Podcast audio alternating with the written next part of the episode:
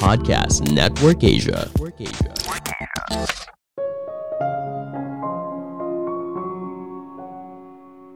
Kebahagiaan bukanlah sesuatu yang dapat kamu temukan, peroleh, atau capai secara langsung. Kamu mungkin saja perlu berada pada kondisi yang tepat, lalu menunggu. Beberapa kondisi tersebut ada yang berasal dari dalam diri, sedangkan yang lain membutuhkan hubungan dengan hal yang berada di luar diri. Sama halnya seperti tanaman yang membutuhkan matahari, air, dan tanah yang baik untuk tumbuh subur Seseorang membutuhkan cinta, pekerjaan, dan hubungan dengan sesuatu yang lebih besar dari dirinya sendiri. Halo semuanya, nama saya Michael. Selamat datang di podcast saya, Sikutu Buku. Kali ini saya akan bahas buku The Happiness Hypothesis karya Jonathan Haidt. Sebelum kita mulai, buat kalian yang mau support podcast ini agar terus berkarya, caranya gampang banget. Kalian cukup klik follow Dukungan kalian membantu banget supaya kita bisa rutin posting dan bersama-sama belajar di podcast ini. Buku ini membahas apa yang membuat seseorang bahagia. Kenapa beberapa orang menemukan arti, tujuan, dan kepuasan dalam hidup, sedangkan yang lain tidak. Sepanjang sejarah, manusia selalu mencari tahu apa yang bisa membuatnya bahagia – kita berusaha mencari tahu dari mana kebahagiaan itu muncul dan bagaimana hal tersebut bisa dicapai. Alhasil, banyak area yang berusaha untuk dikejar, entah dari sisi kekayaan, olahraga, atau bahkan makanan. Di saat itu mungkin ada konsensus kalau menjadi bahagia artinya kau punya hubungan yang baik dengan dirimu sendiri dan orang di sekitarmu. Saya merangkumnya menjadi tiga hal penting dari buku ini. Pertama, dua sistem dalam satu otak. Pemikiran manusia boleh dibilang bergantung pada sebuah metafora. Kita memahami hal baru atau kompleks dari sesuatu yang sudah kita ketahui sebelumnya. Misalnya, ketika diminta berpikir soal kehidupan secara umum, kebanyakan orang mungkin sulit memahaminya. Tapi ketika diberikan petunjuk kalau hidup adalah sebuah perjalanan, maka metafora ini membantu kita menuju pada sebuah kesimpulan. Entah kita harus memahami lingkungan saat ini, memilih arah yang tepat, mencari teman yang baik, hingga menikmati perjalanan tersebut. Sebelum bicara jauh soal kebahagiaan, maka kita perlu memahami bagaimana pikiran kita bekerja. Penulis menjelaskan kalau otak kita dibagi menjadi dua bagian. Sistem limbik bertanggung jawab untuk naluri alamiah manusia, seperti kebutuhan untuk makan, tidur, berkembang biak, dan sebagainya. Sedangkan neokortex seperti namanya merupakan bagian yang lebih baru dari otak. Bagian ini bertanggung jawab untuk pemikiran rasional. Sederhananya, kita bisa menggunakan metafora seorang pawang yang sedang duduk di atas gajah. Si pawang menggambarkan pikiran yang rasional, berusaha sekuat mungkin untuk mengarahkan si gajah dengan segala logika berpikirnya. Sedangkan si gajah menggambarkan pikiran yang emosional, punya tenaga yang besar dan kehendak sendiri. Si gajah hanya menuruti kemauan si pawang apabila perintahnya tidak bertentangan dengan keinginan si gajah. Ini alasan kenapa resolusi yang kamu buat di Januari bisa gagal total di bulan Februari. Mungkin di awal kamu bersemangat untuk mengubah hidup, namun tantangan tersulitnya adalah tetap konsisten mengerjakannya hingga berhasil.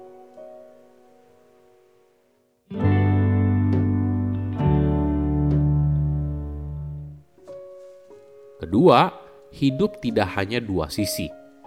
Apakah kau pernah mendengar kalimat tidak ada yang 100% baik atau 100% buruk, hanya pemikiran kita saja yang membuatnya seperti itu.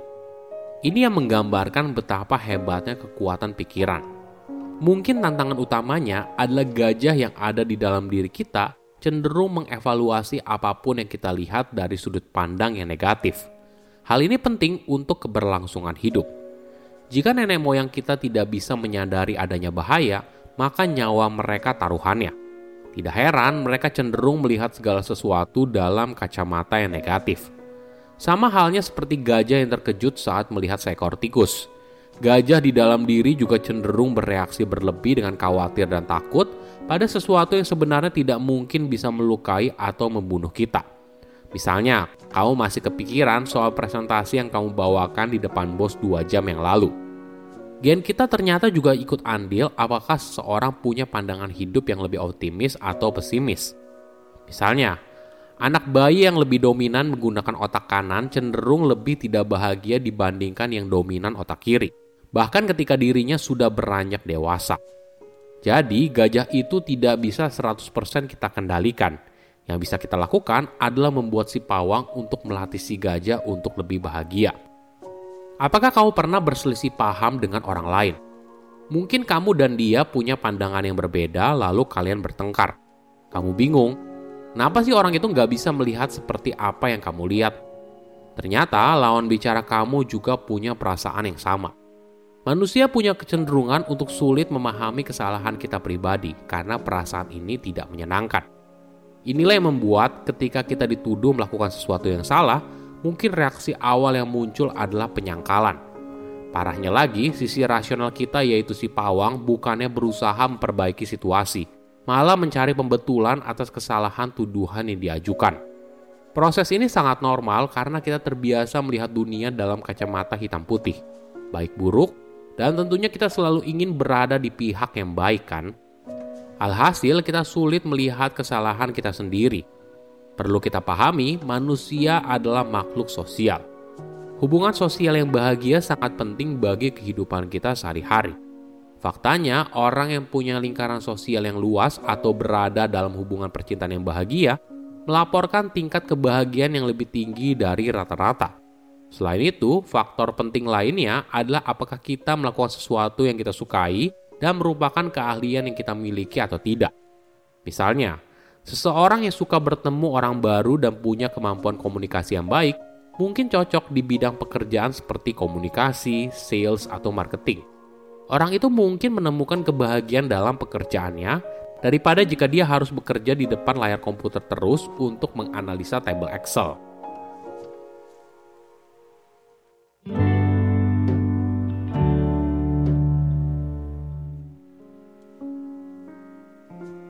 Ketiga, hidup yang sulit membuat kita semakin tangguh. What doesn't kill you makes you stronger. Banyak orang menganggap perkembangan pribadi seseorang sebagai hasil dari pengalaman kondisi dari situasi yang traumatis. Namun tidak selalu begitu. Ada yang tidak kuat dalam mengalami kejadian tersebut, lalu mengalami depresi berat. Tapi bagi mereka yang berhasil bertahan, maka kemungkinan besar akan mendapatkan manfaatnya. Sebagai contoh, Seseorang mungkin merasakan dorongan kepercayaan diri yang besar setelah kehilangan pekerjaan atau orang yang dicintai. Karena pengalaman berhasil bertahan dari situasi yang berat, mengubah citra diri mereka menjadi lebih baik. Di sisi lain, pengalaman ini juga mempererat hubungan kita dengan orang lain. Karena di momen itu, kita perlu bekerja sama untuk bisa bertahan dan keluar dari kondisi tersebut. Manfaat lainnya adalah momen itu bisa jadi sebagai momen untuk mengenal diri kita dengan lebih baik. Konsep diri kita biasanya berasal dari sisi rasional kita, yaitu bagaimana si pawang percaya gambaran diri kita. Namun kenyataannya mungkin saja berbeda. Mungkin kita sering kali merasa kalau diri kita adalah workaholic dan merasa kalau itu adalah karakter yang baik.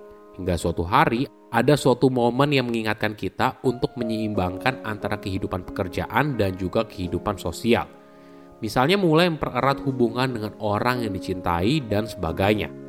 Saya undur diri, jangan lupa follow podcast Sikutu Buku. Bye-bye.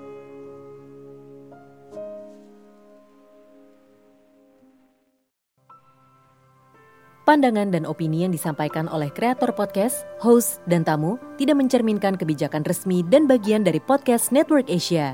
Setiap konten yang disampaikan mereka di dalam podcast adalah opini mereka sendiri dan tidak bermaksud untuk merugikan agama, grup etnik, perkumpulan, organisasi, perusahaan, perorangan, atau siapa pun dan apa pun.